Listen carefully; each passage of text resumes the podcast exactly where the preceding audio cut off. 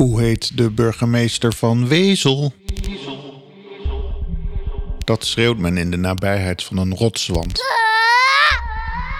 Waarschijnlijk komt het idee van de burgemeester van Wezel uit het dorpje Oberwezel aan de Middenrijn in Duitsland. De spreuk Wie heist der Burgermeister van Wezel komt regelmatig voor in reisverslagen van boottochtjes over de Rijn in de buurt van de steile rotswand van Lorelei. Een plek die bekend staat om de mooie, heldere echo's. Want dat is wat dit is, een echo. In de volksmond worden echo en galm nog wel eens door elkaar gehaald. Echo is strikt genomen het effect dat we één of meer discrete kopieën van een geluid kunnen horen. En galm, dat is dit, dat er zoveel weerkaatsingen plaatsvinden dat we een diffuus tapijt van kopieën dwars door elkaar horen.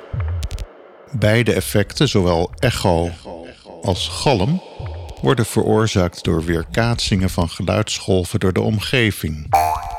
En afhankelijk van de fysieke omstandigheden van die omgeving horen we bijvoorbeeld echo's of galm of zelfs galm met een pre-delay.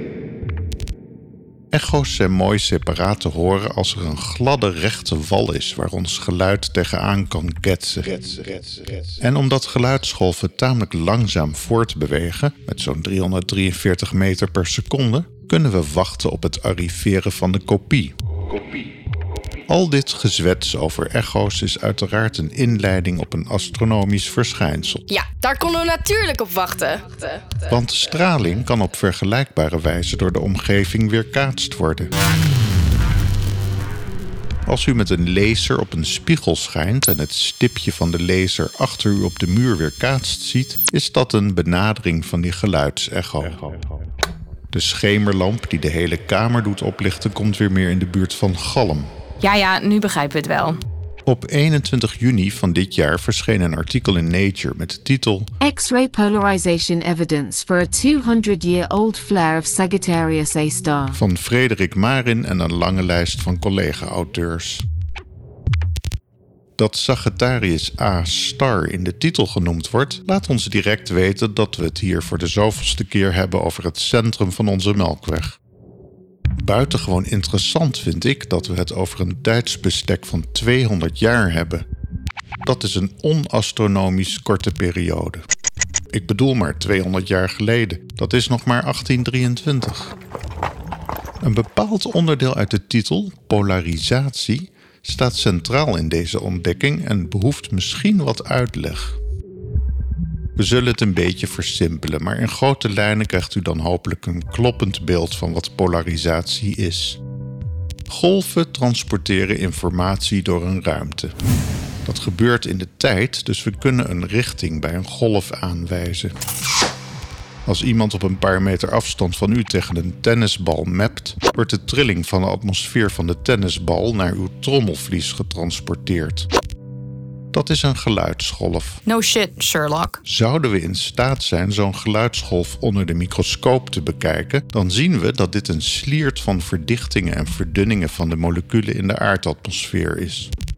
Dit heet een longitudinale golf en werkt een beetje zoals een regenworm voortbeweegt. Het lijfje van de worm verdicht op bepaalde plaatsen en verdunt daartussenin. Zo bewegen de geluidsgolf en de regenworm van A naar B. Een treintje van verdichtingen en verdunningen. Zo'n longitudinale golf kent geen polarisatie. Heel anders is het bij elektromagnetische golven zoals licht, radio en röntgenstraling. Hier zien we een elektrisch en een magnetisch veld die beide loodrecht op de richting van de golf heen en weer trillen. Dit heet een transversale golf en is beter te vergelijken met hoe bepaalde slangen voortbewegen. Een slang die gekronkeld in het gras ligt en richting u loopt, heeft een duidelijk vlak waarin deze beweegt.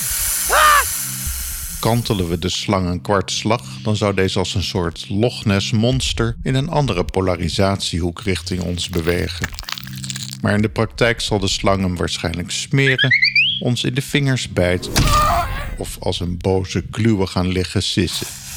Maar hopelijk krijgt u nu een beetje een beeld van wat een transversale golf is en wat polarisatie in dat geval betekent. I'm not sure I understand. Voor polarisatie kijken we naar de hoek waaronder de elektrische component van elektromagnetische straling ten opzichte van de richting van de golf staat. Voor de meeste lichtbronnen die wij kennen, zoals bijvoorbeeld een gloeilamp of onze zon, is de polarisatie van het licht een optelsom van allerlei willekeurige polarisaties.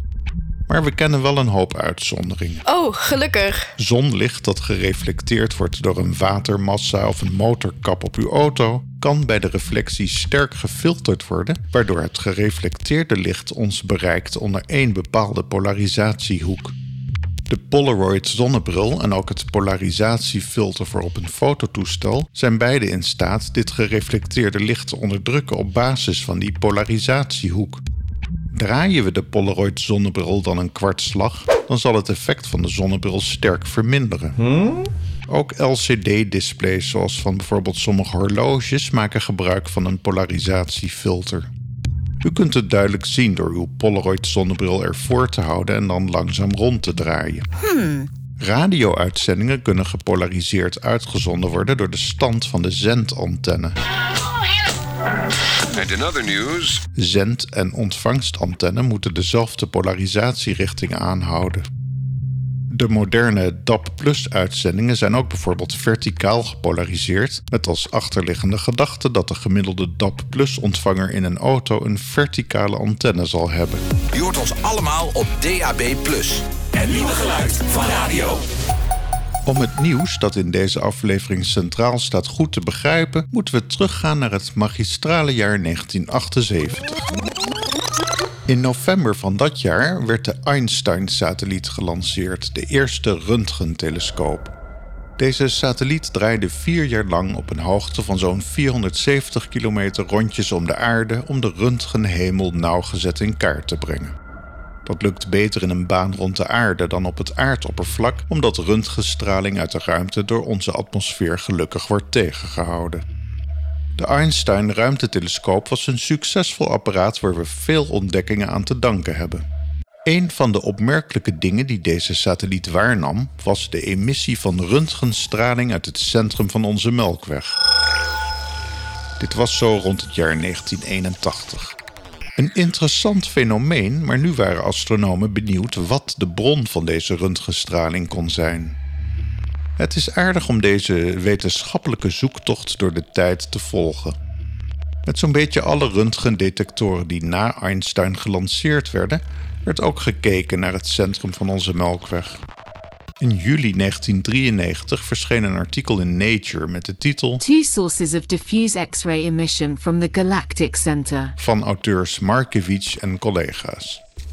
Hierin redeneren zij dat de waargenomen röntgenstraling in de moleculaire wolken in het centrum van onze Melkweg waarschijnlijk incidentele röntgengebeurtenissen in dichtere moleculaire wolken als bron hebben en dat deze straling slechts deels wordt geabsorbeerd door de ijle moleculaire wolken. Dat was een lange zin. Wat we waarnemen zou dus gefilterde röntgenstraling kunnen zijn. Ontstaan in de A, B2 en C moleculaire wolken in het centrum van onze Melkweg. Maar in 1981 beschikten we nog niet over zulke exacte ruimtetelescopen als tegenwoordig. De auteurs waren in 1993 ook uiterst voorzichtig met hun conclusies. En eigenlijk worden we dan ook nog een beetje met een kluitje in het riet gestuurd, omdat nog steeds niet duidelijk was hoe deze röntgenstraling dan ontstaat. En nu, in juni 2023, lezen we eindelijk wat er aan de hand is. In het begin noemden we de titel van het artikel al. X-ray polarization evidence for a 200-year-old flare of Sagittarius A star. En met de lange introductie over echo's en deze titel in de hand, gecombineerd met het feit dat ik waarschijnlijk de slechtste spannende verhalenverteller van het heelal ben, weet u nu eigenlijk al wat er dus gaande is. Ja, schiet nou maar op. Zo'n 200 jaar geleden vrat het superzware zwarte gat in het centrum van onze melkweg iets op. Een ster, een rotsblok, het ruimteschip van een vergevorderde civilisatie, wie zal het zeggen? In ieder geval werd iets verwrongen door de intense zwaartekracht van het zwarte gat. Bij dit proces kwam een heftige röntgenflits vrij. Iets wat we wel vaker zien bij zwarte gaten.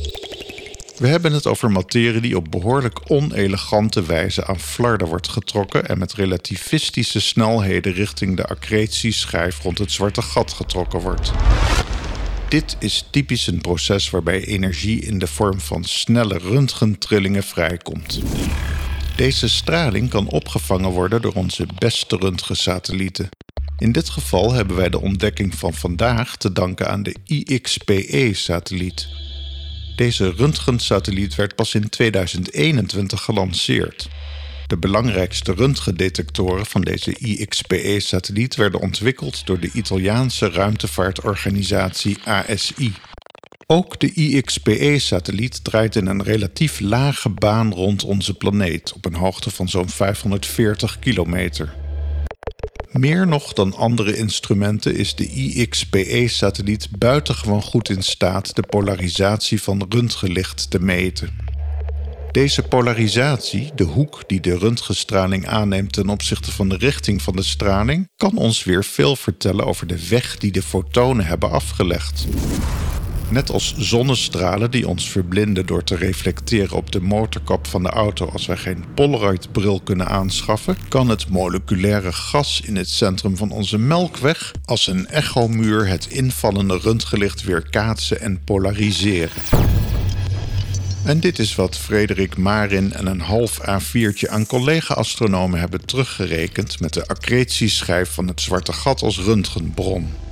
De aard van polarisatie wil dat zij twee uitkomsten meten, die corresponderen met een gebeurtenis 33 of 205 jaar geleden. Oké. Die eerste werd van de hand gewezen omdat we 33 jaar geleden al waarnemingen deden aan de röntgensterrenhemel en een dergelijke flits op een of andere wijze wel zouden hebben waargenomen.